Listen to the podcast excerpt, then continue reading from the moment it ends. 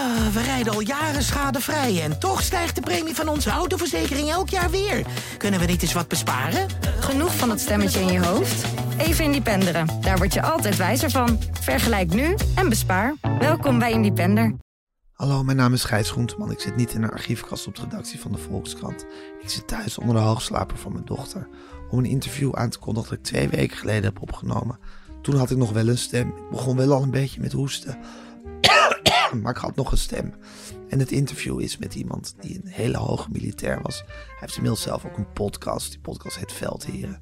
Daarin legt hij uh, uit ja, hoe de oorlog in Oekraïne zich ontwikkelt. Hij was de allerhoogste militair in Nederland, commandant der strijdkrachten. Um, eigenlijk op het moment dat hij commandant der strijdkrachten werd, gebeurde iets heel tragisch in zijn leven. Daar gaan we het zo meteen over hebben. En we gaan het hebben over het al, al het andere. Over oorlog, over het leven, over wat er verder zoal ter tafel komt. Luister naar mijn interview met Peter van Um.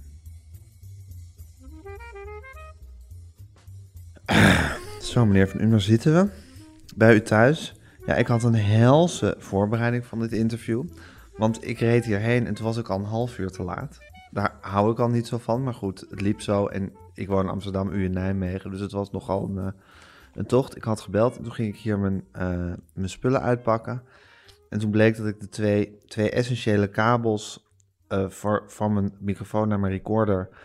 Ja, bij mijn vorige interview bij Spinvis vergeten was in zijn studio. Dus ja, ik implodeerde min of meer. En zijn, ja, de vraag was van, ga ik ergens nieuwe kabels halen? Muziekwinkel was best ver weg. Doe het interview een andere keer. Maar ja, het is weer een hele reis en drukke agenda's allebei. En ja, dan voel ik toch ook de hele tijd dat u een beroepsmilitair bent. En denk van, ja, is dat nou, is dat nou in mijn voordeel? In de zin dat je als beroepsmilitair natuurlijk in alle situaties eigenlijk gewoon rustig en kalm en efficiënt moet kunnen handelen en je niet de hoofd op het hoofd op rol laten brengen? Of is het in mijn nadeel, omdat je als beroepsmilitair natuurlijk ook vindt dat je gewoon je spullen op orde moet hebben als je ergens heen gaat? Ik bedoel, dit, dit, dit, is, mijn, dit is mijn wapentuig, zal ik maar zeggen. Als, ik hiermee, ja, ja, als ik hiermee op missie zou zijn gegaan, dan zou ik natuurlijk compleet nat zijn gegaan. Dus wat, is, wat, wat ging er in uw hoofd om toen dit allemaal gebeurde? Uh, nou ja, dat je te laat uh, komt, uh, militairen zeggen vijf minuten voor tijd is op tijd. Ja. Maar uh, ja, ik reis ook regelmatig door Nederland en ik weet gewoon uh, dat het lastig is, dus dat, dat, dat kan gebeuren. Maar aan de andere kant, wij militairen zijn wel op onze ja, basisuitrusting zijn we heel erg zuinig. Ja. als je je geweer laat vallen, dan, dan is de standaardkreet van ga er maar naast liggen en druk je maar twintig keer op. Ja. dus ja, daar zorg je heel goed voor, dat heb je altijd bij je. Je materiaal heb je op ja. orde. Maar ik heb hier ook wel eens eerder een, een, een cameraploeg gehad. En uh, toen ze weggingen lag er nog een uh, statief uh, voor, voor een van de camera's lag nog op de bank ja. bij ons. Het is natuurlijk lastig dat je als beroepsmilitair, behalve als je aan het werk bent, in een wereld zit vol niet-beroepsmilitairen. Vol mensen die maar ja, te laat komen, hun spullen niet op orde hebben. Ja, er maar een beetje op losleven. U bent natuurlijk wel echt anders gedrild dan de meeste mensen wat dat betreft. Ja, maar dat, dat, dat, dat gaat niet alleen terug tot mijn uh, uh, militair zijn. Hmm. Um, uh, ik, ik, woonde hier een eind verderop hè, bij mijn ouders. Ja. En die hadden een bakkerij. En, Hoe heette de bakkerij? nou, nou, er stond in de etalage de Gelderse bakkerij, maar dat was van de voorganger van mijn vader. Dus okay. het was gewoon voor iedereen de bakkerij van hem. Ja. En, maar dat stond niet op het raam? Of nee, op stond niet op het raam. Nee. En ja, de kindjes van hem die kregen gewoon van jongs af aan al uh, verantwoordelijkheidsbesef mee. En wij moesten, zodra we iets konden, dan moesten we dat laten zien. En dan zeiden mijn ouders van, nou, dat is jouw klus. En uh, mijn zus hielp in de winkel. Um, ik vond het nog steeds schitterend. We hadden een, een, een soort mechanische kassa. En mijn zus stond aan lagere school huiswerk rekenen, stond ze op de kassa te doen, ja. terwijl ze op een kist stond, want anders kon ze er niet bij. Uh, zo bedreven was ze erin. Uh, en, en de twee broertjes die moesten papa in de bakkerij helpen. En ja, als een klus, uh, als je die goed kon, dan was het jouw klus en jouw verantwoordelijkheid. Ja, ja. Dus, dus eigenlijk hebben wij dat met de paplepel... En wat was uw klus? Nou, de eerste echte klus die ik kreeg was op een gegeven moment nam mijn vader me mee naar de bakkerij. En hij had een uh, krat gezet voor zijn werkbank. Ja. Dan had hij alle broodblikken opgezet. Ja. En toen deed hij voor hoe je die moest invetten. En dat ging toen niet uh, automatisch of, of, mechanisch, maar dat was met een handje en een blik vet en een kwast. En hij liet me dat net zo lang nadoen tot ik het goed kon. En toen zei hij van, nou Peter, dat is iedere dag nou jouw klusje. En dus ja, als ik van school kwam, eh, geen smoesje van huiswerk maken of met vriendjes spelen of wat dan ook. Nee, als ik van school kwam, moest ik eerst die blikken invetten. Ja, En, en, en ik wist echt donders goed dat als ik me er met een Jantje Verleider van afmaakte, dat mijn papa de volgende dag een probleem had, want dan kwamen de broden niet uit de blikken. En ik was ook wel eh, heel blij dat eh, mijn jongere broertje op een gegeven moment dit ook kon. toen werd het zijn Toen klusje. werd het zijn klusje en dan kreeg ik de, een klus om op mijn fiets gewoon al brood te brengen naar, naar klanten toe. Ja, ja, maar dat je eh meewerkt, in eh, de winkel en in het huis. En dat je dat consciëntieus deed en goed deed Ja. en niet verzaakte. Dat was gewoon volstrekt helder Ja, in en Huizen van U. Er was ook geen, ja, ja, geen gesprek over uitleg over. Nee, Dat, dat en er hoefde begrepen geen, tik, tik, al. er hoefde, hoefde geen tikken op de vingers uitgedeeld te worden. Nee, nee, nee, nee, nee, nee maar, eh, onze ouders hebben ons echt nooit, eh, nooit geslagen. Nee. zo, eh, echt niet. Nee, en ook niet, bedoel, dat, dat was, hij hoefde daar ook niet zijn stem voor te verheffen. Dat was gewoon Nee, duidelijk dat dat zo ging. Ja, en nou, ik heb nog wel eens een eh, eh, momentje gehad. Eh, ik denk dat het eind lagere school was. Toen ik aan een paar vriendjes gewoon vertelde eh, hoe eh, wij moesten aanpakken als heel gezin. Ja, Voor de hoofdtijdagen van Sinterklaas en van kerst. ja want dan en ging, dat- het, ging het brood, of banket ging natuurlijk als gek over de toon. Ja, ja, En, en dus bestellingen bij de VD. Ons hele huis lag vol met allemaal ja, ge- geportioneerde bestellingen Ja. met briefjes erbij. ja. En, en dat deden mijn zus en mijn moeder. En, en wij bereidden het allemaal. En dat vertelde ik dan aan vriendjes. En, en toen, tot mijn verbazing, die vriendjes waren hartstikke jaloers. Want die wilden ook wel zo'n band met hun papa hebben. Eh, Ja. eh, ja, en dan besef je als klein jongetje eigenlijk van... ja, ik vind het niet altijd leuk, maar het is toch ook wel mooi. Voelde u een diepe band met uw vader? Ja, zeker. Ja? Ja, ja, ja. nee, ik denk eh, alle, alle drie de kinderen hadden een, een goede band met de ouders. ehm. maar mijn vader was wel een, een conventionele man.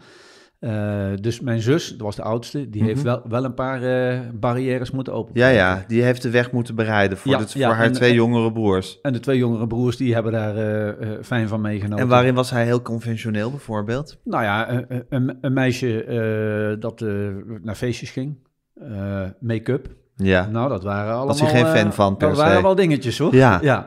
Nou, die make-up hadden mijn broer en ik nog niet zo last van. Maar, maar die feestjes, ja, dat- die, die band was al gebroken. ja precies. Dat had, u, had uw zus al gedaan. Ja, ja. Want dat, dat, is dat een fel type, uw zus? Nou, he- helaas is ze overleden. Was zij een fel Eh, type? ja, ja, eh, eh, ja, nou, zij, zij wist heel goed wat ze wel en niet wilde.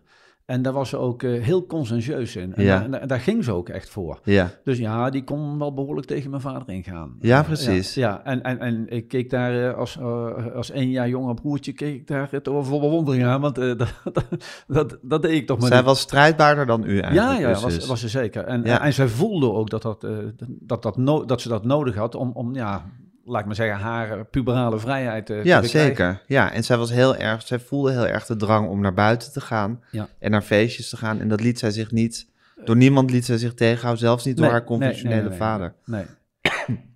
Is zij lang geleden overleden? Ja, ze is een paar jaar geleden overleden. Helaas heeft ze slokdarmkanker gekregen. En eh, ja, heeft zij eh, de keus gemaakt om op een gegeven moment te zeggen van... nou, dit, dit is geen waardig leven meer. En, eh, nou, daar waren we het eh, als hele familie en ook mijn zwager, een verdomd fijn mens... waren we het ook allemaal over eens. En toen heeft ze dus de steun gekregen, gelukkig van haar huisarts... En heeft ze op een ja, hele mooie manier afscheid genomen van vrienden, familie. En heeft ze zelf haar moment gekozen. Ja, ja. Ja. Vindt u dat bijzonder dat zij zelf haar moment heeft gekozen? Nou, als je mijn zus kende, dan, dan, eh, ja, dan was Dat dat, was iemand dan, die- dan, dan zat dat eh, wel eh, in, de, Ja. in de lijn. En, en, ja, zij en spraken daar ook over. Het waren natuurlijk hele moeilijke gesprekken. en om, om aan te geven hoe bijzonder mijn Maar u, u, vindt, u vindt het in haar hele sterven, vindt u het wel een, een belangrijk detail? ja, Dat het gebeurd is op haar eigen voorwaarden, Ja. op haar eigen moment. En dat ze van jullie allemaal afscheid heeft kunnen nemen. Ja. En toen in een soort van vrede is kunnen, is ja, kunnen gaan. Ja, maar hoe bijzonder eh, mijn zus dan toch was. Zij heeft dus, eh, eh, voordat ze haar moment heeft gekozen, heeft ze gewoon tegen haar man gezegd: Jij, jij bent degene om alleen te blijven. En kijk eens naar die en kijk eens naar die. Toen heeft ze twee dames in hun vriendenkring aangewezen. Van, jongen, ik vind het goed als je dat doet. Nou, het mooie is dat een van die twee dames is nu de partner van mijn zwager. Ja, En dat, geweldig. en dat vinden wij als familie fantastisch. Ja, en uw zus had dat in de smiezen. En die had het al in de En die wist wat hij nodig had en, en wat, wat er wellicht bij hem zou passen. Ja, en, eh, ja. ja. En zij hield, zij hield controle ook over dat soort dingen. Nou, eh, ik weet niet of dat controle was, maar eh, ze keken in ieder geval wel vooruit. Ja, leek ze op uw vader eigenlijk?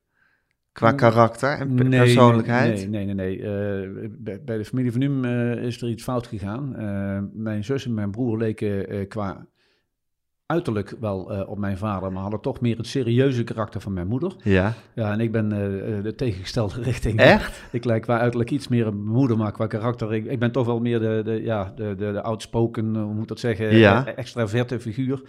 Ehm, die, die misschien wat minder serieus is eh, dan, eh, dan broer en zus. eh, en dat had mijn vader ook. Ja, precies. Uw vader had, hield, hield ook wel van gezelligheid. En, en die- Ja, mijn vader hield van gezelligheid. ja, en ja. u ook.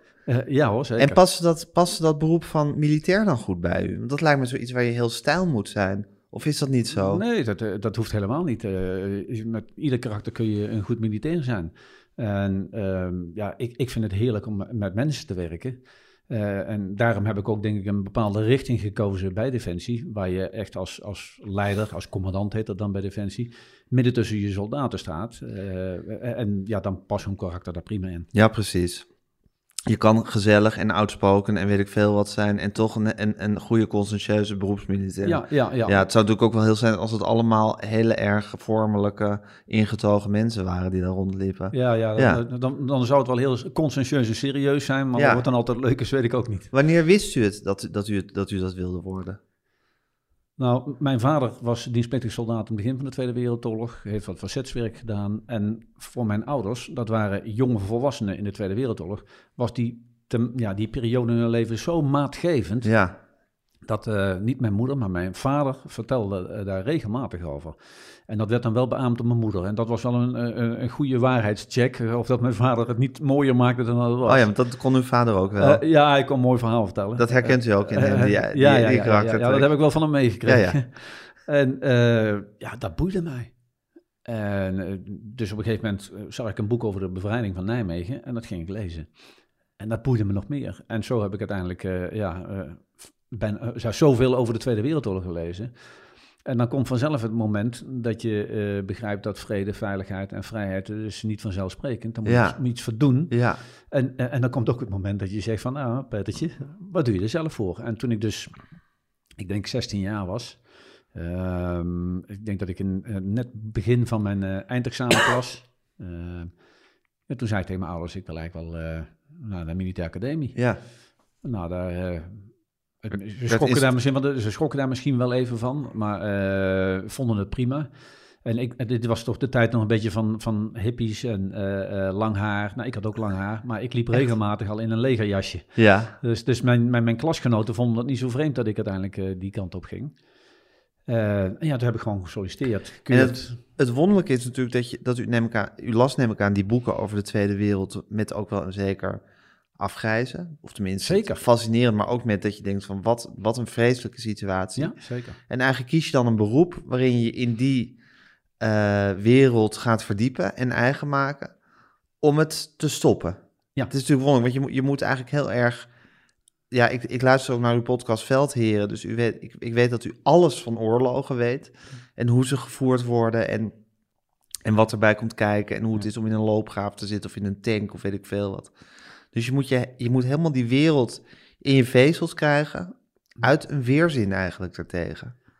Ja, want eh, ik, ik heb het al vaker gezegd, maar ik ben de eerste die bereid is de krijgsmacht af te schaffen als we hem niet meer nodig hebben. Ja, Maar ik ben realist genoeg om te beseffen dat we, Ja. eh, als we vrede willen, dan moeten we, wat men ook zegt, dan moet, je die voorbereiden op, op, op, op, eh, op een oorlog. Ja, En moet je zorgen dat je je veiligheid op instituut op, op orde hebt. ja, En ik begreep dat als jongeman. Eh en dat was de tijd van de Koude Oorlog.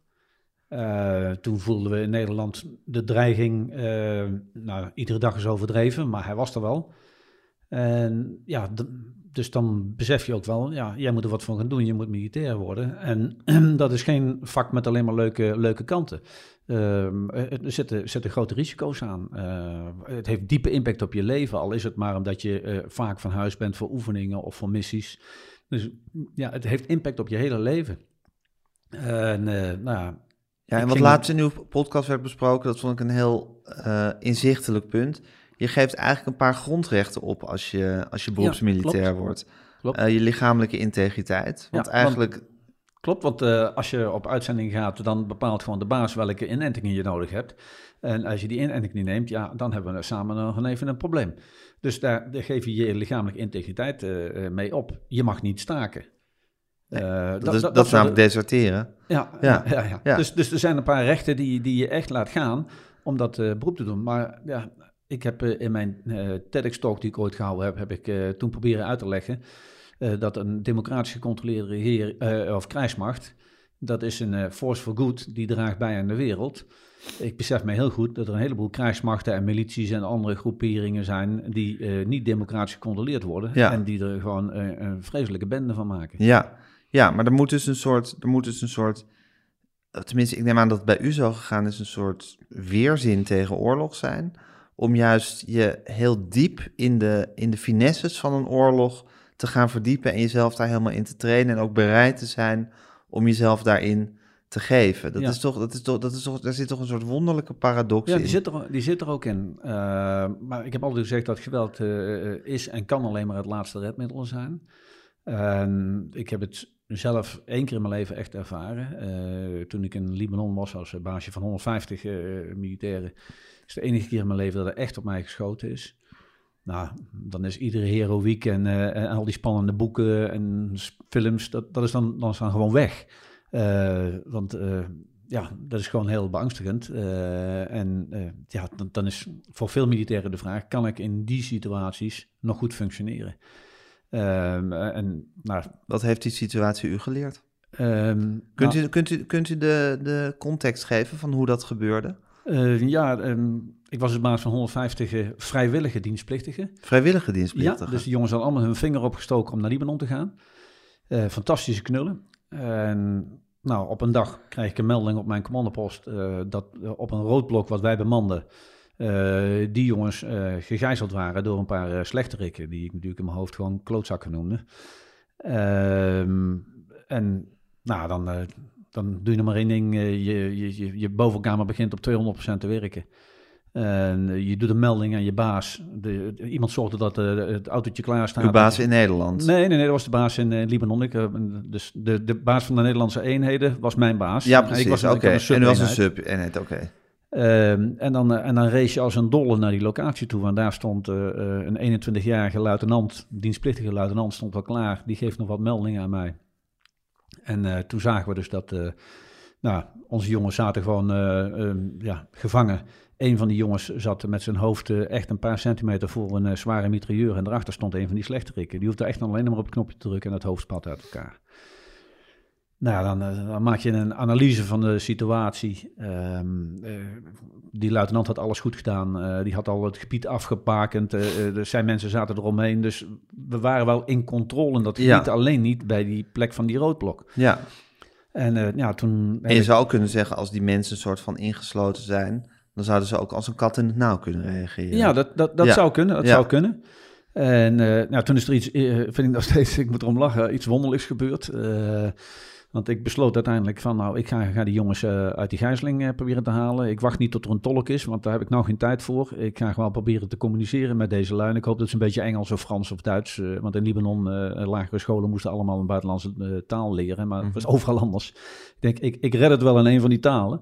En dan wacht ik wel tot de tolk er is als het nodig is, maar ik begin nu. En toen had ik even een moment, en dat vond ik nog steeds heel wonderlijk, dat ik dacht aan een boek wat ik gelezen had. En dat is For Whom the Bell Tolls van Ernest Hemingway. En dat gaat over de Spaanse burgeroorlog. En in dat boek staat dat als je echt bang bent, dan kun je niet plassen. En dat flitste door mijn hoofd. Waarom? Vraag me niet, maar het gebeurde. En ik denk, nou, Peter, Ja. kun je het nog of kun je het niet? En toen heb ik langs de weg staan plassen. En ik denk dat mijn soldaten zich hebben afgevraagd van... Is hij gek geworden? ja, ja, is hij Ja. gek geworden? Wat doet die sukkel nou? Eh, maar dat lukte. Maar dat was eigenlijk heel erg goed. Want ik kwam daar met adrenaline tot over mijn oren. En door de, daar even langs die weg te gaan staan, kwam even rust. ja. Even En dat moment van het rust. was dus eigenlijk een soort gekke test die u met te- deed. Van ben ik, ben ik zou zeggen, door Ja, de grens ja. van de angst heen gegaan? Ja. Of heb ik, heb ik mezelf nog onder controle? Ja. Ik bedoel, spannend is het sowieso, maar zit ik nog aan, aan de goede kant? En of Er- Ernest Hemingway onzin heeft opgeschreven, Ja, duidt ja. niet. Maar in ieder geval voelt dat natuurlijk als een bevestiging aan uzelf. Van oké, eh, ik, ben, ik, ben, ik ben nog oké. Ja. En eh, het is een soort moment van rust. En misschien ook een beetje iets ontregelends wat je dan doet. Ja, nou, dat, Zagen- daar was ik niet bewust mee bezig. En Zagen ook- die slechterikken, zoals u dat noemde, zagen die dat ook? Dat Ja, die daar zagen het ook. Ja, die zagen het ook, ja. Ja, Ja, dat heeft natuurlijk toch iets wonderlijks. ja die hebben zich ook afgevraagd van, eh, Ja. wat, wat komt er nu op ons Ja, maar dat is wel dadelijk? goed. Ja, maar, maar, maar dat was de bijkomende baten. En, Ja. en, en daar leerde ik ook van ha, rust. Dat, dat, want ik was daar helemaal niet mee bezig. Eh, Ik was anders, ik was best wel, eh, kon opvliegend zijn. Eh, maar, maar, maar door dat te doen, leerde ik van rust. En daardoor was ik veel meer in balans toen ik naar die lui toe liep. Ja, En toen ik naar ze toe liep, toen, eh, ja, die vonden het niet zo leuk, want ik had mijn wapen bij me. En die luitenant liep naast me, die had ook zijn wapen bij zich. En, toen welk wapen was dat? ja, ik had een pistool en mijn luitenant had een, eh, een eh pistoolmitrailleur, een Uzi. Ja. En toen schoten ze op ons. En ja, ik, ik, mijn analyse was onmiddellijk, want ik was heel erg scherp op dat moment. Van, nou, op deze afstand had je me gewoon ook wel... gewoon- kunnen Ja, schieten. had je me ook wel voor mijn klep kunnen schieten. Ja.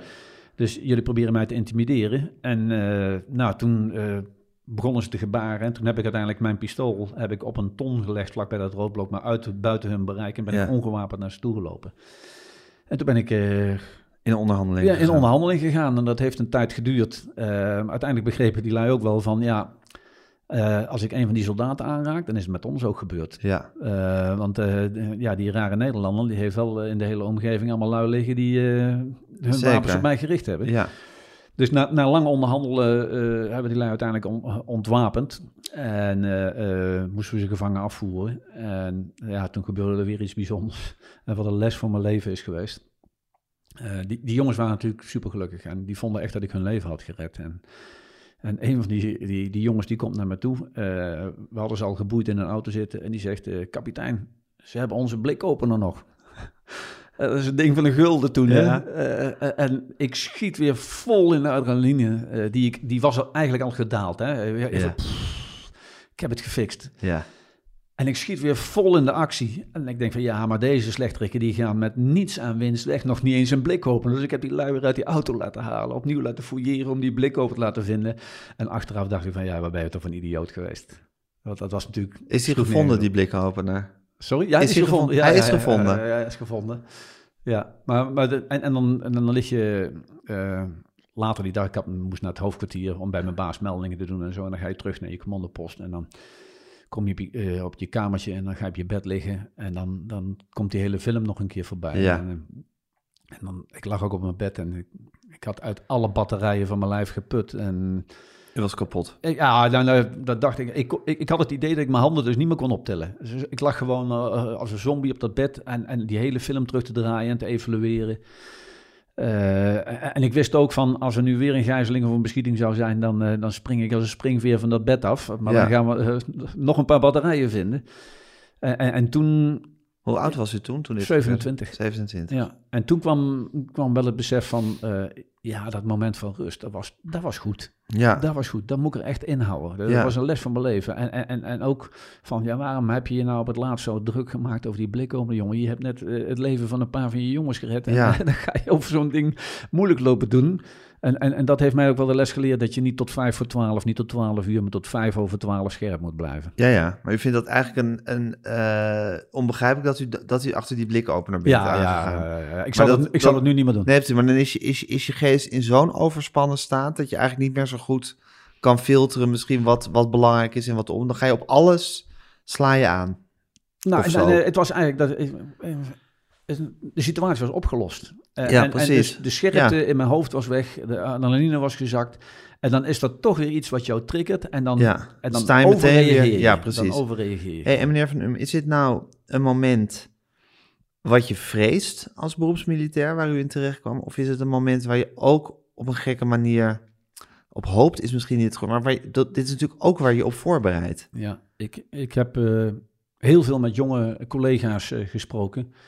En die willen dan allemaal weten of ze het kunnen. Ja. als het echt gevraagd Ja. wordt. En met deze ervaring uit Libanon heb ik tegen ze gezegd dan, wees nou blij dat je het niet weet. Ja? Want als die kogels op je afkomen, dan is het helemaal niet leuk. En als het moment daar is, dan zien we wel of je het kunt. Maar ga het niet opzoeken. Want er zijn ook militairen die willen dan wel bewijzen dat ze het kunnen. Ja, nu heeft nu een soort, als u dit zegt, ik neem aan dat u zich weer verplaatst in het moment dat u dat dan tegen zo'n jonge Ja. knaap aan het zeggen was. U heeft een soort eh, geruststellende vaderlijke toon hierin. Maar ook een beetje een soort, eh, er zit ook iets dwingends in.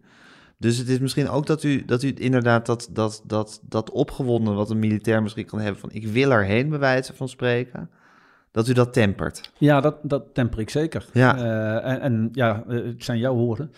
Maar ik heb altijd meer geprobeerd om een vader voor ze te zijn dan dat ik echt de commandant moest zijn.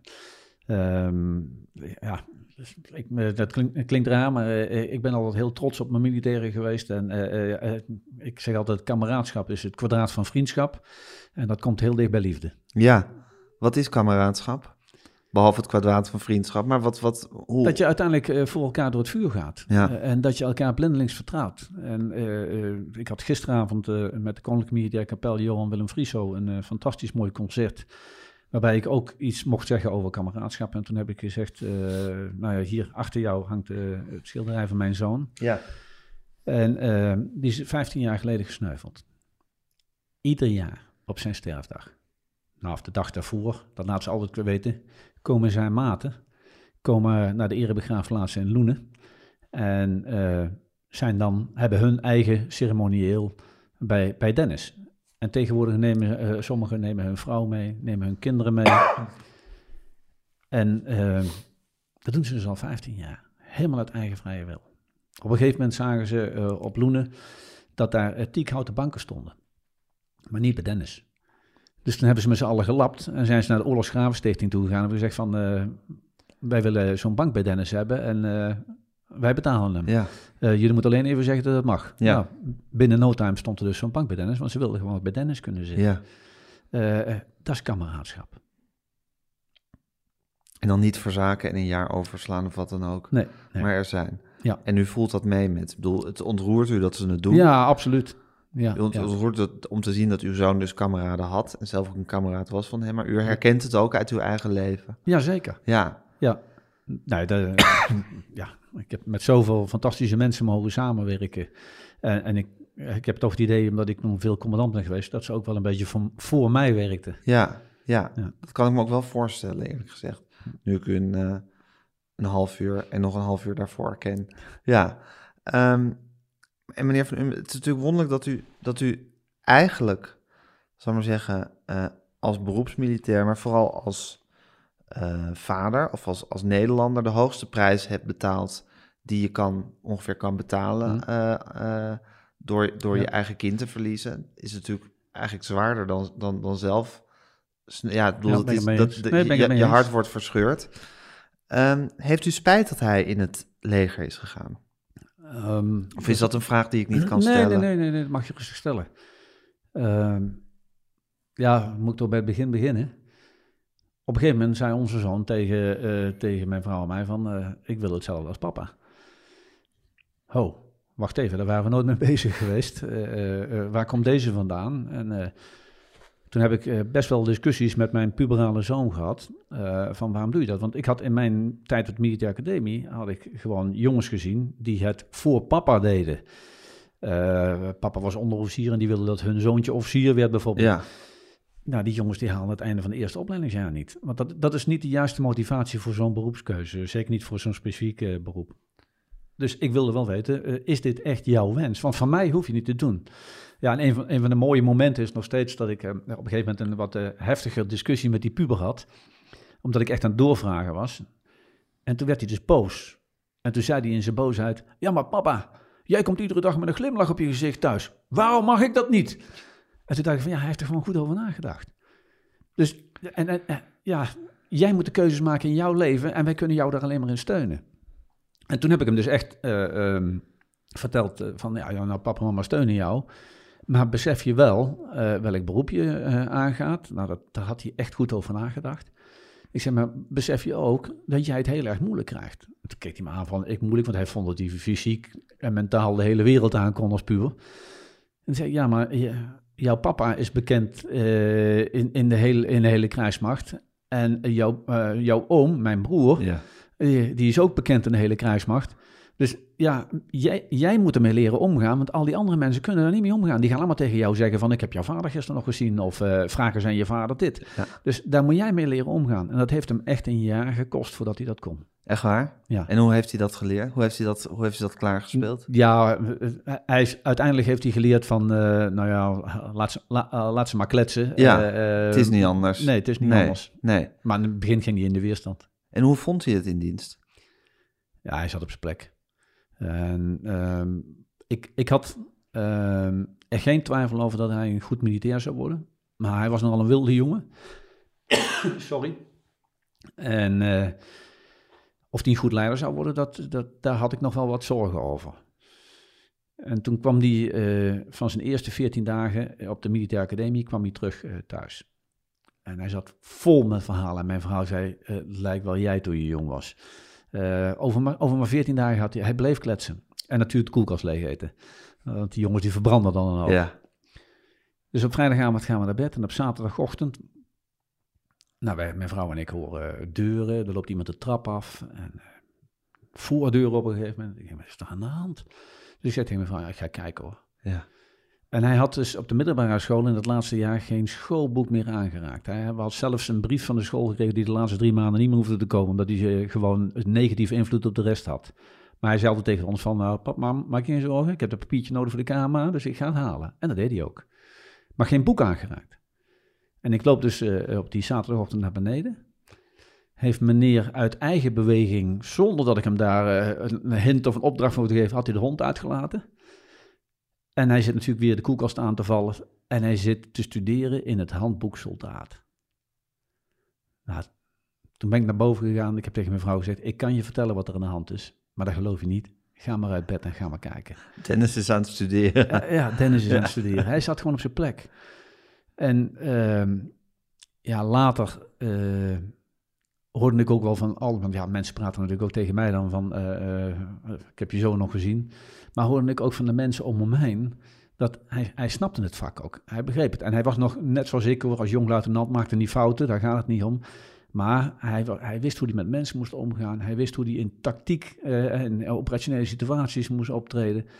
En dat deed hij gewoon, eh, dat deed Hij hij, had er oog heel voor. goed. Ja, hij had, hij had er oog voor. En, en, en die jas paste hem dus ook. Ja, ja, ja, Ja. Was u trots dat dat zo was? Ja, Vond ja, u het zeker. leuk toen, hij, toen u eenmaal de bocht had gemaakt? Ja, dacht, nou, dit is zijn keuze. Ja, Ja. ja. Ja, ja, maar ik ben net zo trots op mijn dochter hoor. Snap die ik. heel iets anders heeft Snap gedaan. ik, snap ik, snap ik. Maar het is natuurlijk leuk als je gewoon inderdaad ziet dat je zoon zijn plek heeft gevonden. En Ja. dan helemaal als het, als het in een wereld is die je zelf ook zo goed kent, dat schept natuurlijk ook, ook weer, Ja, een, ook zeker. weer een band. Ja, want je krijgt eh, toch weer hele andere gesprekken met je zoon. Ja, ja. En hij eh, overleed de dag nadat u eh, commando der strijdkrachten, Ja. commandant der strijdkrachten Ja, was ja, geworden. Ja, ja. Dat, dat, dat is een... Ja, de, als, als iemand een boek met zo'n scenario had geschreven, had Ja, iedereen het is- gezegd, het is niet geloofwaardig. Het is absurd. Ja. Eh, en er zijn mensen geweest die hebben gezegd dat, eh, dat de Taliban eh, gericht op hem zijn bezig geweest. Nou, dat is verslagen onzin. Want we beseften toch best wel dat hij met die naam misschien een extra risico kon zijn voor zichzelf, maar ook voor zijn soldaten. Dus we hadden al afspraken gemaakt van, eh, nou, hij gaat niet met zijn naam, want iedereen heeft zijn naam op zijn, zijn jas zitten. Hij gebruikt alleen zijn voornaam. Eh, als er toevallig journalisten in het gebied zijn, dan gaan ze nooit met de eenheid van de luitenant van nu mee, maar met een andere Ja, luitenant mee. En Dennis, begrijp je, die klus krijg jij dus niet. ja, Ja, nou, dat begreep hij ook allemaal eh, eh, best. Ehm, soldaten moesten niet te veel eh, ja, van de toren schreeuwen dat ze bij de luitenant van zaten. Dus Ja. dat- niemand wist het. niemand wist Eh, het. Het is gewoon domme, eh, domme, domme En- pech geweest. Hij reed in het vijfde voertuig. ja. Al vier voertuigen langs die plek. Ja, en hij, en het, hij rijdt er wel overheen. Ja, Ja. het gewoon pech. Het leven is hard, hè? Da- dan is het leven heel erg hard. Ja. En eh, nou, eigenlijk stort je wereld in. Kon u werken daarna? Want u begon dus aan, eigenlijk aan een nieuwe functie. Ja, ja. Ja, die vraag heb ik me wel gesteld. Ehm, alle- allereerst de vraag van, eh, moet, moet, ik nog, moet ik nog wel werken? Eh, Ja. Moet ik er niet voor mijn gezin zijn? Ehm, ben ik in staat om te werken? Ben ik in staat om die baan te doen? Dat is geen makkelijk klusje. Dus die vragen komen wel op een gegeven moment allemaal voorbij. Maar, maar, maar, zeker niet in het begin. In het begin zit je gewoon eh, samen met je gezin eh, diep in de ellende. En ja, bij ons kwam dan dat, dat, dat hele rare moment eh, voorbij. Eigenlijk al de eerste avond. Toen mijn vrouw en ik thuis waren. En de, de twee meiden, zeg maar onze dochter en de partner van onze zoon, waren nog in het buitenland. En die moesten nog terugkomen. Eh, en nou, ze hadden geregeld dat er allerlei familie en vrienden eh, voor ons waren eh, in ons huis. Maar mijn vrouw zei op een gegeven moment tegen mij van Patrick, ik heb gewoon rust nodig. En nou, toen heb ik mijn broer bij de, bij de schouder gepakt en ik Mark, hartstikke fijn dat jullie zijn, maar jullie moeten nu weg. We hebben tijd voor onszelf nodig. En, nou, dat, dat regelde mijn broer flitsend, want binnen een kwartier was iedereen weg. En, huis opgeruimd en hadden ze televisie aanstaan. En toen, ja, mijn vrouw en ik zaten gewoon in een, in doffe ellende. We keken helemaal niet naar de tv en we zaten te huilen en elkaar vast te houden. En eh, ja, toen kwam dat rare moment dat toevallig stond de tv op Nederland 1 en, en begon Paul Witteman en die laat gelijk de foto's zien van mijn zoon en, en van Mark Schouwing, de chauffeur, eh, de jongen die ook om, om, omgekomen was. En dan ga je toch kijken. En nou, die hadden echt een, een discussie over of ik nog wel commandant de strijdkracht kon zijn. En het was eigenlijk geen discussie. eh, ze kwamen gewoon tot de conclusie dat het niet kon. Ja, da- toen werd ik boos. En eh, die, want van wie zijn jullie? Je, je- kent mij niet of amper. eh, Je kent mijn organisatie niet. Je kent mijn mensen niet. eh. hoe, hoe, hoe kun je nou tot zo'n conclusie komen? En, ehm, daarom werd ik boos. En Hoe boos- aanmatigend ook, hè? Nou, dat niet. Nou goed, altijd, ja. Maar omdat ik boos werd, werd mijn vrouw ook boos. En toen hebben wij samen een gesprek gehad over van wat gaan we doen? Hoe gaan we verder? En toen hebben we wel ja, uiteindelijk samen die conclusie getrokken van... Ja, maar Dennis was een jongen die genoot van het leven. Die wilde iets van het leven maken. En eh, ja, wij, eh, wij, wij moeten proberen de blik toch vooruit te zetten. En, eh, en toen hebben we met z'n tweeën al besloten van, nou, jij gaat proberen, ik wist niet of ik kon, jij gaat proberen om die functie gewoon netjes in te vullen. En wij wisten ook dat we dat met die twee meiden die nog thuis moesten komen, moesten bespreken, maar die hebben ons daar gelukkig altijd in gesteund. En hoe ging dat vervolgens? Ehm, met horten en stoten. Ehm, toen, toen ik begon had ik al eh, heel snel door dat als ik de gangen van het ministerie inliep, dan verdween iedereen in een bureau. Ja, niemand wist Ja, zich een houding te, geven. Ja. Dus ik heb toen tegen de mensen in mijn eh, directe omgeving heb ik bij elkaar geroepen en gewoon gezegd van jongens, eh, zo werkt het niet. Je mag rustig goedemorgen tegen mij zeggen. Ja, maar duik niet allemaal weg en zeg dat ook tegen de rest allemaal. En, eh, en ik zag ook dat ze sommige eh, ja, beslissingen die ik moest nemen, een, een dossier gewoon lang bij mij weghielden. En ze dachten, ja, dan kunnen we die man niet voorleggen. Ja. En toen heb ik gezegd, dat moeten jullie niet doen. Want jullie nemen nu beslissingen voor mij, die ik moet nemen. En je, geeft me niet de kans om mijn taken en verantwoordelijkheid eh, goed in te vullen. Dus dat doen we niet meer. Je brengt het bij mij en laat mij maar beslissen of ik er Ja. ja, toe in staat ben om daarmee om te gaan. Maar, maar ik wist wel dat ik eh, op zijn minst emotioneel kwetsbaar was. Dus ik heb eh, twee, twee mensen heb ik, eh, afzonderlijk van elkaar bij me geroepen. En toen heb ik gezegd van, luister, kan een dag komen dat jij een dossier van mij krijgt. En dan vertel ik jou welk besluit ik op dat dossier wil nemen. En ook om welke redenen, wat de argumenten zijn. En je hoeft geen expert te zijn op dat dossier, maar dan krijg je mij hooguit twee dagen. En dan kom je bij mij terug en dan vertel je mij of ik het juiste besluit wil gaan nemen. Ja. Want ja, als ik eh, een besluit moest nemen, ik zei, ik zei al zo, over over het laatste euro van defensie naar schepen, vliegtuigen of spullen tegen die verrekte bermbommen die mijn zoon hadden gedood, dan was ik misschien emotioneel gedreven om Ja. dat laatste te doen, Ja. terwijl dat rationeel naar schepen toe moest. Ja. Dus ik wilde mijn, mijn, mijn, mijn, eigen kwetsbaarheid wilde ik wel proberen af te dekken door zo'n zekering in het systeem te Dat is natuurlijk bijna een soort eh, iets wat je neem ik aan als militair ook leert. Dat je ook altijd je eigen kracht en je zwakte en in, welke, in welke staat je bent en wat je, Ja. wat, je, wat je nog op je kan nemen en wat te veel is. Dat moet je natuurlijk voortdurend kunnen inschatten in elke situatie. Ja, dat is wel, wel het beste voor jezelf en, en, en voor je mensen, want anders Ja. ga je eh, onverantwoord risico's Ja. nemen. Ja, Eh, en dat kan je ook niet doen als je in een oorlogssituatie zit. Nee, nee, nee. Nee. Maar, maar ik denk ook dat op dat moment kwam alles wat in mijn ja, ervaringspakket rugzak bagage zat. Dat, dat heb ik toen nodig gehad in mijn leven. En eh, ik werd ook geholpen. Eh, ik werd ook geholpen door al die mensen, die fantastische mensen die om me heen zaten. Dus dus ik, ik kon ook mijn verhaal kwijt. Ik ging er op mijn manier mee om. Want je ziet achter jou twee sabels staan. Ja, ja, ik, ik, ik- een hoop mensen die, eh, die zetten dan een foto van een overledene op hun bureau neer of zo. Nou, dat, dat trok ik emotioneel gewoon niet. Eh, en dat, dat zou mijn dagen heel moeilijk hebben gemaakt. Maar ik wilde er wel iets van mijn zoon hebben. Nou, en een van die sabels eh, is het officierssabel wat ik op de militaire academie kreeg. Maar toen mijn zoon daar slaagde, ja, hadden we dat al lang wegbezuinigd.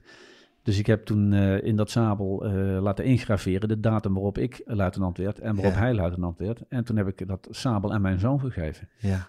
Maar ja, dat hadden we nu terug. Dus dat was mijn manier. Ik heb die sabels dus op mijn bureau neergezet en niemand kende het verhaal daarachter. Nee. Die zagen gewoon twee sabels staan. Maar voor Ja. mij was mijn zoon er toch. Ja, ja. En zo moet je, moet je, moet je daar op een of andere manier, moet je die herinnering soort ja, bijhouden en koesteren. En ook, maar jezelf ook kunnen vermannen en het, Ja. eh, en het kunnen dragen. Maar ik heb ook eh, ehm, tegen Eimert van Middelkoop, die toen minister was, heb ik gezegd van... eh, in, toen ik weer begon te werken, eh, in een goed gesprek met Eimert, heb ik tegen hem gezegd... Eimert, als jij vindt dat ik het niet goed doe, dan moet je geen medelijden met mij of mijn gezin hebben. Dan moet je het gewoon tegen me zeggen. Eh, dan ben ik de volgende dag weg. Want ja, die toen nog 70.000 militairen hebben recht op een baas die gewoon zijn rol en verantwoordelijkheid goed kan invullen. Ja. En als jij denkt dat ik dat niet, niet kan of niet goed doe, ja, dan moet er iemand anders komen. Zo simpel is het. Ja. En ehm, hoe vond u zelf dat u het deed? Nou, ik had ik, in een van de lessen die ik in mijn leven heb geleerd als jong officier is dat je eh, af en toe in de spiegel moet kijken. En dat je ook je eigen functioneren moet durven evalueren. En eh, ik deed het een paar keer per jaar. Dan prikte ik een moment of net op het uitkwam, maar in ieder geval altijd eh, voor kerst. En dan pakte ik een eh, stuk papier en dan schreef ik op dat stuk papier why me. Want ik keek dan ook naar, de- naar mijn agenda van de afgelopen periode. Waar heb ik me druk over gemaakt? Waar heb ik veel tijd aan besteed? Eh, waarom moest ik dat doen? Waarom kon een ander dat niet? Ja. Eh, dat soort vragen stelde ik mezelf. Ja. Dus ik keek wel regelmatig naar mijn eigen functioneren. Ehm, om, omdat ik dat gewoon, ja, dat vind ik eigenlijk pro- gewoon professioneel. Ja. En kerst, kerst was, was daar een uitgelezen moment voor. Ja, er was Toch een het- tijd dat van was eigenlijk reflectie. een moment, want er- er- ja, er is dan, meestal heb je wel verlof. En dan kreeg ik van mevrouw wel de gelegenheid om een half uurtje gewoon eventjes over mezelf, of een halve dag, eh, eh, Ja. gewoon eventjes eh, en rustig na te denken. En dan ging u met het bloknoot en Why Me ging u zitten. Dan ging ik een rustig hoekje zitten en dan, dan, dan keek ik eens terug van wat heb ik nou En gedaan, dan wat is, kan ik en dan is doen. wat je dan op moet schrijven als je zegt Why Me, is van waar kan ik de, waarin ben ik de meerwaarde eigenlijk? Waarom is het goed dat ik daar op die positie zit ja, eh, en niet iemand anders? Ja, en, en waarom heb ik me eh, eh, veel tijd besteed aan iets en waarom had ik dat niet door iemand anders kunnen laten doen? Want dan had ik misschien die tijd aan Ja. betere dingen kunnen besteden.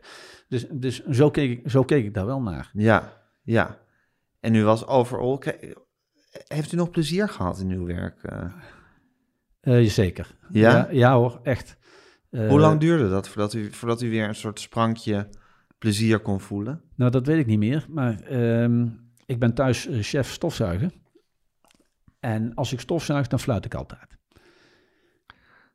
Ik heb tijden niet gefloten. En zonder dat ik het wist, eh, was ik een keer aan stofzuigen. En toen zei mijn vrouw tegen mij: Hé hey Peter, je fluit weer. Ik weet niet meer wanneer dat moment was. Maar dat was wel zo'n moment van: Oké. Ja, Oké. er is weer ergens een beetje Ja. ruimte voor, voor een soort eh, onbezorgde vrolijkheid in je hoofd. ja, ja, ja.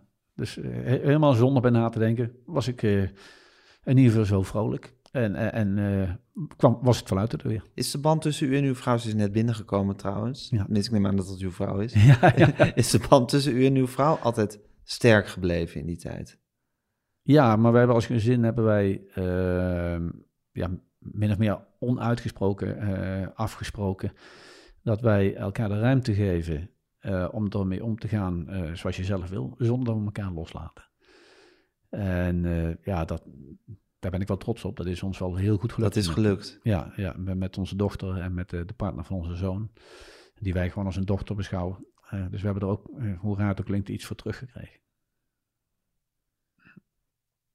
En dat zit hem ook in dat, want dat is in theorie, is dat natuurlijk kan je dat, kan je dat goed zeggen, van je doet het op je eigen manier.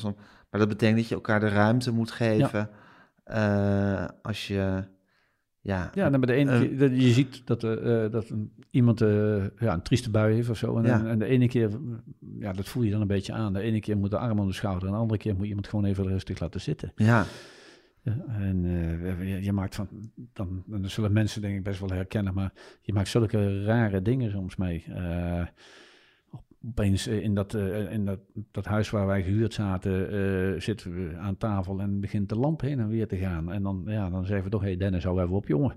En we zaten een keer in een Italiaans restaurant in Den Haag. En er hingen allemaal foto's van filmsterren, Italiaanse filmsterren. ja. En ook die man die in die eh maffia-serie, ik kan de naam even niet, eh, niet zo gauw komen, zo'n hele grote maffia-serie toen, Ja. toen geweest. En, eh, en mijn zoon had die hele serie De gewoon... Soprano's. Nee, dat was niet de? Sopranos, nog, nog verder daarvoor. Oké. Maar in ieder geval, eh, mijn zoon had die hele serie gewoon opgefroten. Ja, En wij waren er allemaal van overtuigd dat die hoofdrolspeler, die, daar hing die foto ook van, ja, die foto hing net zo recht als alle anderen. ja, En toen we eh, bij ons toetje kwamen, geloof ik, toen keek Lieneke, de, de, de partner van eh, mijn zoon, eh, die keek nog eens een keer rond en zei, hé, hey, hij hangt helemaal scheef. Nou, en toen keken we elkaar toch aan, hoe kan dat nou? ja, Ja, wat moet Dennis hebben gedaan? ja, En, en je weet dat dat rationeel helemaal niet kan, maar Nee. eh, ja, dat is het moment, dan maak je dan wel mee. ja, ja. Er gebeuren rare dingen soms. Ja, Ja, en je moet ze maar nemen voor wat ze zijn. ja, ja. Ja. En hoe is het met Lineke? Eh, goed, Ja? ja hoor, zeker. Ja, Oké, nee, dus eh, met, met het hele gezin gaat het op zich goed. oké, hartstikke goed. Ja. Hey, en bent u, En, en niet te vergeten, we zijn eh, sinds ruim anderhalf jaar... u bent zijn- grootouders Ja, geworden? zijn we grootouders geworden. Ja. En de kleindochter woont op eh, 100 meter van ons. Dus wij genieten ten volle van, van onze kleindochter. Nou, dat zijn toch weer cadeaus. In het leven kan hard zijn, maar het leven kan ook verschrikkelijk mooi zijn. ja, ja. ja. zeker. Ja. Ja. Bent u anders tegen, ja, laat ik maar stom woord, het wapengekletter gaan aankijken sinds deze ervaring? Ik kan me voorstellen dat de vreedheid en de onzinnigheid van oorlog, als je zelf zo'n prijs hebt betaald, nog, nog Nee. duidelijker wordt. of is dat niet zo? Nee, nee, nee, niet echt. Ik had, ik had, eh, nou, ik had in meerdere landen eh, al ellende eh, en vreedheid gezien. Dus ik, ik wist best wel hoe vreed de oorlog eh, kan zijn of hoe, hoe hard het leven kan zijn. Eh, natuurlijk treft je dan nog veel dieper als het je eigen kind eh, treft. Mhm. Maar uiteindelijk sta ik niet anders in het leven of kijk ik niet anders tegen het leven Nee. aan. We, we hebben, mijn vrouw en ik hebben toen echt op die avond gezegd van... ja, maar als die lui op tv gelijk hebben... dan verliezen we niet alleen onze zoon... maar dan verliezen we alles waar hij in geloofde en waar wij in geloven. En eh, ja, ik zeg altijd maar, we hebben toen ons morele kompas even geherijkt... maar het kwam weer in dezelfde richting uit. En dat wil zeggen dat u gewoon moest, moest blijven strijden voor de zaak voor u over, Ja. overstreed. En eigenlijk, eigenlijk niet je door niks van, van dat pad af te laten, laten brengen. Ja. ja. Ja. Want dat is natuurlijk ook een soort nederlaag die je dan leidt. Eh, Ja, zo zin. zou ik het waarschijnlijk wel gevoeld hebben, ja. Ja, ja, dan is het toch ingeven. En eh, nou ja, wij militairen zeggen altijd, eh, wij gaan door waar anderen stoppen. ja. Nou, dat was zo'n moment. Dat is zo'n moment inderdaad. en hoe ziet u eigenlijk als u uw, le- uw leven heeft ehm, ja, gewijd aan eh, je voorbereiden op oorlog, mensen, de kanten die u dan kiest, bijstaan in oorlog, in ieder geval ook dat het hele principe van oorlog begrijpen. Ja, het is toch iets heel menselijks, oorlogsvoer, oorlog voeren. Eh, we doen het al eeuwen. Ehm, hoe ziet u de mens dat wij, daar, dat wij daartoe in staat zijn? Ja, ik mag, mag graag zeggen dat de mens leert van de geschiedenis, maar de mensheid leert eh, heel erg slecht. We maken iedere keer weer de, dezelfde fouten. En ja, oorlog is gewoon verschrikkelijk. Ehm, en als je een oorlog begint, moet je je goed beseffen, dat leidt alleen maar tot ellende. En je hebt alleen maar verliezers. En als je kijkt waarom oorlogen over het algemeen beginnen, ja, pure macht, om status en dat soort dingen. Eh, en dan worden eh, zaken als religie vaak ge- of misbruikt om mensen te mobiliseren. Ja. Maar het gaat vaak helemaal niet om, eh, of, om religie. Nee. Het zijn gewoon een paar lui aan de top die, die een stuk land erbij willen, of Ja. meer geld, of weet ik veel ja, wat. wat dan ook. Ja, en die weten dan de handigheid te hebben om mensen achter zich te krijgen. eh, maken, zoals het zo mooi heet, een narratief, een verhaal. Het zijn vaak eh, leiders. Mensen met leiderschapscapaciteiten. Alleen in mijn ogen zijn het geen goede leiders. Want ze hebben een verkeerd moreel kompas. Eh, maar ze krijgen wel voor elkaar dat hele bevolkingen achter hun aanlopen en, en hun zonen en dochters naar de slagbank brengen. Mhm. En, en dat vind ik wel een trieste constatering. Hele trieste constatering. Maar dus ook wel een constatering waarbij je zegt van ja, het, het is... Want u zegt van, de mensheid leert eigenlijk heel slecht van de geschiedenis. Dus eh, hoe, hoe vaak het gruwelijke voorbeeld al is gegeven, eh, mensen, we blijven het maar opnieuw doen. Ja. Dus het is iets wat niet in ons allemaal zit, maar er zijn altijd specimen van ons, altijd, altijd exemplaren eh, van ons die gewoon daar weer, daar weer ingaan. Ja, maar ik denk dat aan ieder mens goed en slecht zit. Ja, Eh, het, gaat, je het bepaalt wie je bent, hoe je daarmee omgaat. En, eh, en ook, dit is een van de redenen waarom uh, Marten Kruijf en ik die podcast Veldheren doen. ja, Om mensen gewoon te laten zien wat, hoe verschrikkelijk oorlog is en hoe dat in elkaar zit. En wat daarachter steekt. Eh, en ja, met de oorlog in Oekraïne nu, die wij dan proberen te duiden. Ja, meneer Poetin, eh, ja, die heeft een, een verhaal verzonnen tegen de Oekraïners. En het is natuurlijk diep triest dat je gewoon jarenlang naast elkaar leeft. En dat er eh, één man is die Ja. dan een idee heeft en, en bedenkt van, nou, we gaan jullie aanvallen. ja. Het is ongelooflijk, hè? Ja, het is eigenlijk, eh, als, je, als je er gewoon eh, stil bij gaat zitten en rustig over nadenkt, dan denk je, hoe is het mogelijk? Ja, maar dat, wat, wat, wat, wat, wat zijn we toch voor een soort dat we hiertoe in staat zijn? Ja, Dat is toch, we zijn ook tot hele mooie dingen in staat. Ja. Ik bedoel, de Matthäus Passion is ook gecomponeerd. ja zeker. Maar eh, halleluja, ja. ja. Ja. Wat, wat, wat, een, wat een uiterste van, van goedheid en slechtheid zit er, Ja. zit er in mensen, ik- toch? Ja, ik, maar ik zei het al, het is uiteindelijk, eh, het zit, zit in de mens en het gaat erom welke keuzes dat jij maakt. Hè. Ik had het gisteravond bij het concert, heb ik ook verteld over eh, het boek van Edith Eger, ik weet niet of je het kent, De Keuze. Ehm, dat is een, eh, jongs, een jonge Hongaars-Joods meisje in het begin van de Tweede Wereldoorlog. En eh, zij en haar ouders en haar zus worden opgepakt en naar de kampen afgevoerd. Een, een andere zus die weet nog te ontkomen. Bij de kampen worden haar ouders onmiddellijk vermoord. Zij en haar zus overleven de Tweede Wereldoorlog, eh, meerdere kampen, ehm, ellende, hongersdood, hongersnood, dood, overal. En zij beschrijft in dat boek hoe zij met die gruwelen om is gegaan, maar ook hoe ze later in haar leven leert om om te gaan met wat ze heeft meegemaakt. En eh, gewoon een klein verhaaltje uit, uit haar boek. Ze zit al een tijd in de kampen. Ze barsten natuurlijk van de honger. En zij weet een brood te bemachtigen. Nou staat ze voor de keus. Eet ik dat brood alleen op, wat ze makkelijk zou kunnen? Eet ik het met mijn zus op? Of deel ik het met die vrouwen in de barak? Ze doet het laatste. En ze deelt het. Maar al die vrouwen krijgen maar een klein beetje brood. Maar dat is, geeft zoveel hoop aan die mensen. En aan het eind van de oorlog moeten ze weer naar een ander kamp verplaatsen. Omdat de eh, geallieerden eraan, de Russen komen eraan. En ze geeft het op. Ze kan niet meer. Alle hoop weg. En ze gaat eigenlijk liggen om te sterven. En dan een paar vrouwen die er net zo slecht aan toe zijn. Die helpen haar overeind en zeggen, je moet meekomen. En dan zegt ze, waarom? Waarom nou? En die zeggen dan tegen haar, jij was toch dat meisje dat dat brood met ons deelde. En haar stelling is dus, je hebt altijd een keuze in het leven. En dat gebaseerd op, zelfs in die gruwelijke dagen, je Ja. hebt een keus. En die keus bepaalt wie je bent. Ik vind het een zeer indrukwekkend boek. En vindt u bijvoorbeeld dat nu die Russische soldaten die naar het front worden gestuurd, hebben die ook een keus? Die hebben wel een keus. Ja. Er zijn ook heel veel eh, jonge Russische mannen het land uitgegaan.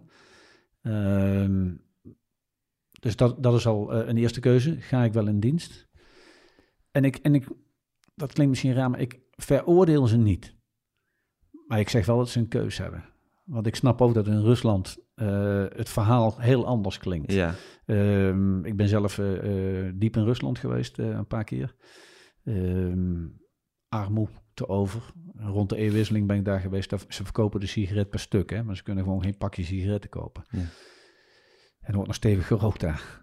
Ehm, dus voor een hoop van die jongens zonder toekomst, zonder uitzicht, eh, eh, een wereldbeeld wat compleet anders is dan het onze. En vaak niet eens een wereldbeeld, want ze weten niet eens wie er in het dorp verderop woont. Ehm, ja, dan hebben ze misschien een toekomst als ze eh, in het leger gaan. En dan, ja, dan zie je de kameraadschap die dan ook toeslaat. Want ja, als we gaan, dan gaan we met z'n allen. Mhm. Maar het is bekend dat de motivatie van de Russische militairen nou niet bepaald hoog is. En als je ziet dat in het begin van de oorlog eh, had Poetin dus bepaald, het is geen oorlog. Nee, het is een soort vredesmissie. Ja, Ja. eh, dus hij mag zijn dienstplichtigen niet inzetten, Ja, volgens de Russische wet. En dan maken ze, die jongens die dwingen ze gewoon om, eh, om een handtekening te zetten, maken ze beroeps en ze sturen ze gewoon Oekraïne in en ze weten eigenlijk niet eens wat ze moeten doen. Nee. Ja, dus voor, ergens zijn een hoop van die jongens gewoon ook slachtoffer. ja. Maar toch ook met een keuze, vindt ze. Ja, vind ik wel. Ja. Ja. Je, bent je bent toch altijd uiteindelijk verantwoordelijk voor, voor, je eigen daden. voor je eigen daden. Ja. Ook al zit je in het leger, ook al is er zo'n druk Ja. van bovenaf om dat te doen. ook, ook dan moet je de afweging maken van eh, kan ik dit of kan ik dit niet. En ehm, als jij als militair in een conflict ook nog dan aan het vechten bent, maar je gaat ook nog eens een keer over de grens heen van de ethische normen die we hebben, de Mhm. dingen die we hebben afgesproken. Mhm. En je begaat ook nog allerlei gruwelen. Ja, dan heb je wel een hoop verkeerde keuzes gemaakt. Hoe vindt u dat die, dat die oorlog in Oekraïne zich nu afspeelt? Zo, zo vlak bij ons, eigenlijk op, het- echt zo op het continent. Nou, ik vind het diep triest eh, voor het land Oekraïne, voor de Oekraïnse bevolking. En er worden daar heel veel opofferingen gedaan momenteel. En uiteindelijk, zij hebben dezelfde waarden en normen als wij. Zij strijden voor onze waarden. Dus ehm, wat ik gisteravond bij het concert ook heb gezegd, eh, is dat wij moeten ze blijven, zij verdienen onze steun. Wij moeten ze blijven steunen. En eh, we weten ook dat als wij ze niet blijven steunen, dan winnen de Russen. Maar ja, ik heb het eerder gezegd, oorlog is gewoon niets anders dan, dan gruwel, ellende, angst, eh, hoopverliezers. Dus ja, wat mij betreft... eh, En u bent ervan overtuigd dat als, als we ze wel blijven steunen, dat ze winnen, de Oekraïners. ja, de vraag is, wat is winnen? Ja, Niemand wint hier. Maar de, de hoop is dan wel dat ze in ieder geval delen van hun grondgebied eh, terug kunnen krijgen. Ja. En dat er iets als een wapenstilstand gaat ontstaan die de basis kan zijn voor een latere vorm van vredesbesprekingen. eh, waarbij we een, ja, waarschijnlijk een, eh, ja, een soort vorm van naast elkaar leven weten te vinden. Ja. En ook dan zullen we eh, Oekraïne moeten helpen bij, eh, bij het weer opbouwen van hun land. Hoe kijkt u zelf terug op uw leven als militair? Ja. Jee. Hoe kijk... eh, Eigenlijk stel je twee vragen. Als militair heb ik gewoon een mooi leven gehad. Eh, ik heb fantastische, mooie dingen mogen doen. Eh, ehm, ik heb met fijne mensen gewerkt. Eh, ik zeg altijd schertsend, wie kan, wie, wie kan er nou gewoon in Nederland zeggen... Ik weet dat er één is, mijn, mijn collega... Wie kan nou zeggen dat hij heeft bijgedragen aan het plannen en uitvoeren van een bankoverval op meer dan tien banken tegelijk en er nog mee wegkomt ook? Hè? Dus dat soort belachelijke dingen hebben Wat was dat? Dat was in Bosnië. Oké, ja. Maar, maar, maar dus dat soort rare dingen mogen doen. Eh, ik heb in, met de Russen mogen onderhandelen over het ontwapenen van eh, hun, hun nucleaire middelen. ja. Ehm, het- ja, hoe, het, is net een spannend jongensboek eh, wat ik heb gedaan. Dus als militair, ehm, ja, ik heb altijd geprobeerd mijn, mijn taken, mijn functie goed uit te voeren. En dan zag ik wel hoe, hoe het verder afliep. Maar, en als je dan uiteindelijk commandant der strijdkrachten mag worden, ja, dan, dan, dan heb ik ja, als militair gewoon een, een heel mooi leven gehad. Eh, en en eh, dat, hoeft niet, dat hangt niet alleen af van of je de hoogste rangen bereikt. Daar gaat het helemaal niet om. Nee. Uh, maar als ik terugkijk op mijn leven, ja, dan, dan constateer ik dat ik uh, tot nu toe een heel mooi leven heb. Maar wel met één groot dramatisch diep. Met één heel groot verdriet erin. Ja. Ja. Ja, ja dat is... En dat ja, wordt... ik, ik, zou er alles voor geven om het terug te draaien. Ja. Maar je weet dat dat niet kan. Nee. Nee. En u weet ook dat hij militair in hart en nieren was. Ja, zeker. Dus dat een, een andere keuze ook niet, uh, niet aan had, de orde had hem was niet gelukkig geweest. gemaakt. Uh, nee. nee. Nee, hij zat echt uh, vo, vo, volledig op zijn plek. Ja. ja. En dat is toch, we hadden het in het begin over die soort grondrechten die je opgeeft als je beroepsmilitair wordt. Dat bedoel je, je, je, je bent bereid te sterven natuurlijk voor de dingen die je doet vanaf het moment dat je dat je dat je ja, maar de, de, dat is makkelijk gezegd. Is dat zo? Ja. Uh, iedere militair weet dat die kans erin zit. Maar we zijn ook mensen. Dus we beseffen dat in het, eh, iedere dag in het verkeer eigenlijk meer slachtoffers vallen dan, eh, dan je als Nederlandse militair de kans hebt dat je overlijdt. Ja, En we denken toch allemaal van, nou, het zal wel loslopen. ja, het gaat mij niet gebeuren. ja. Eh, en de, wij namen afscheid van onze zoon. Die er, hij was al een keer op missie geweest eh, in eh, Irak. Hij ging nu naar Afghanistan. En eh, ja, dat was een, eigenlijk een heel bijna zakelijk afscheid. Ja. Wij wisten dat hij, zodra hij dat gebouw in, wij hebben hem weggebracht. En zodra hij dat gebouw inging, was hij de baas van 40 militairen. En Ja. had hij geen oog meer voor ons. En dat Ja. wilden we ook niet, want hij moest er voor zijn soldaten zijn. Dus we hebben buiten elkaar knuffel gegeven van jongen, let goed op elkaar en we zien elkaar over een paar maanden wel. Eh. Ehm, want ja, je denkt, ook wij denken van, ah, natuurlijk heb je die zorg, zeker, Ja. zeker als moeder. Ja, Ehm, maar uiteindelijk denk je toch van, nou, het gaat ons niet overkomen. ja. Dat snap ik. En ik snap ook dat de kans heel klein is.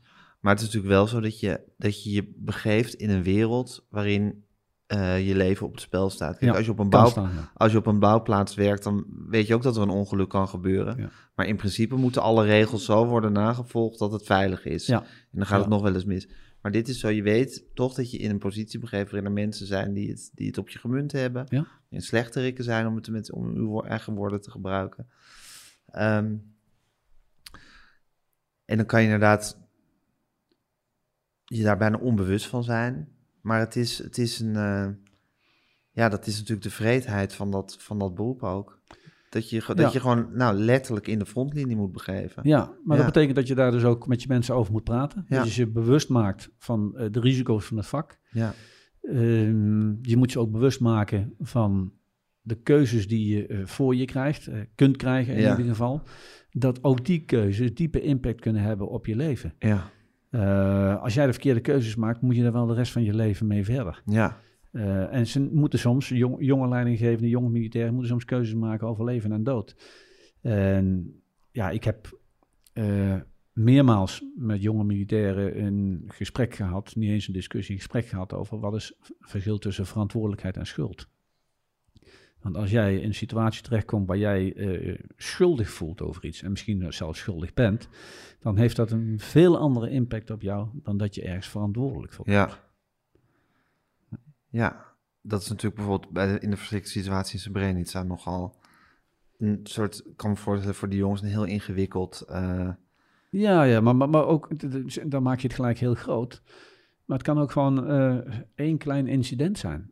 Waarbij jij toch een beslissing moet nemen Ja. over wat gaan we doen. ja, Eh, eh, en ja, dat, dat kan dan goed uitpakken. goed en uitpakken, maar het kan helaas soms ook eh, verkeerd uitpakken. Ja, En, en dan moet je, moet je terug naar jezelf eh, en die situatie analyseren en zeggen, wat heb ik eraan gedaan? Heb ik er alles aan gedaan wat ik eh, kon om, om dat te voorkomen? ja, Eh, en eh, ja, hebben andere dingen gedaan die eigenlijk niet konden. ja.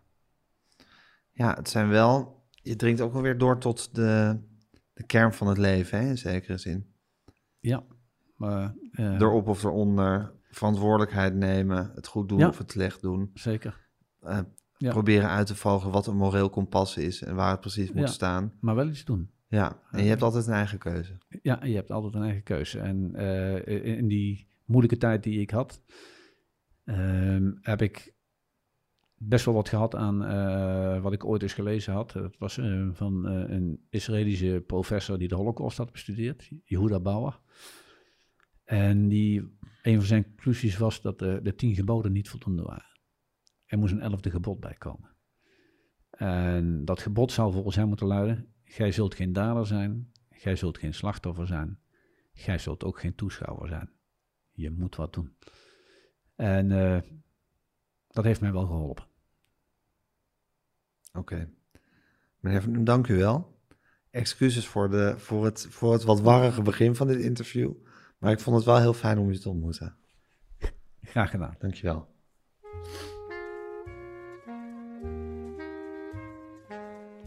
Dit was met Groenteman in de kast met Peter van Hum. Mijn naam is Gijs Groenteman. Ik maakte deze podcast samen met Tamar Bot en Fanny van der Rijt, redactie. Daan Hofsteep bezorgt alles netjes in uw oortjes. Corine van Duin deed de eindredactie. Volg ons op Instagram, met Groenteman. Stuur ons een mailtje, podcasts.volkskrant.nl. En geef ons vooral lekker veel sterretjes.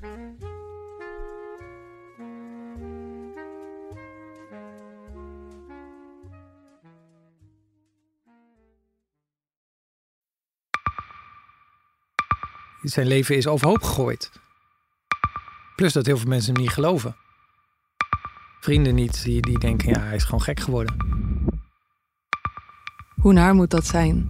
Als je vertelt over de meest indringende ervaring uit jouw leven en niemand gelooft dat je het echt hebt meegemaakt. Ja, ik vind zelf niet dat ik het verzonnen heb, maar sommige mensen denken dat wel. Maar hoe kom je erachter of jij het doelwit bent van een geheime dienst? Ik heb ook wel eens meegemaakt dat je het idee hebt dat inlichtingdiensten in je geïnteresseerd zijn. En dan kun je wel heel veel zien, wat er misschien helemaal niet is.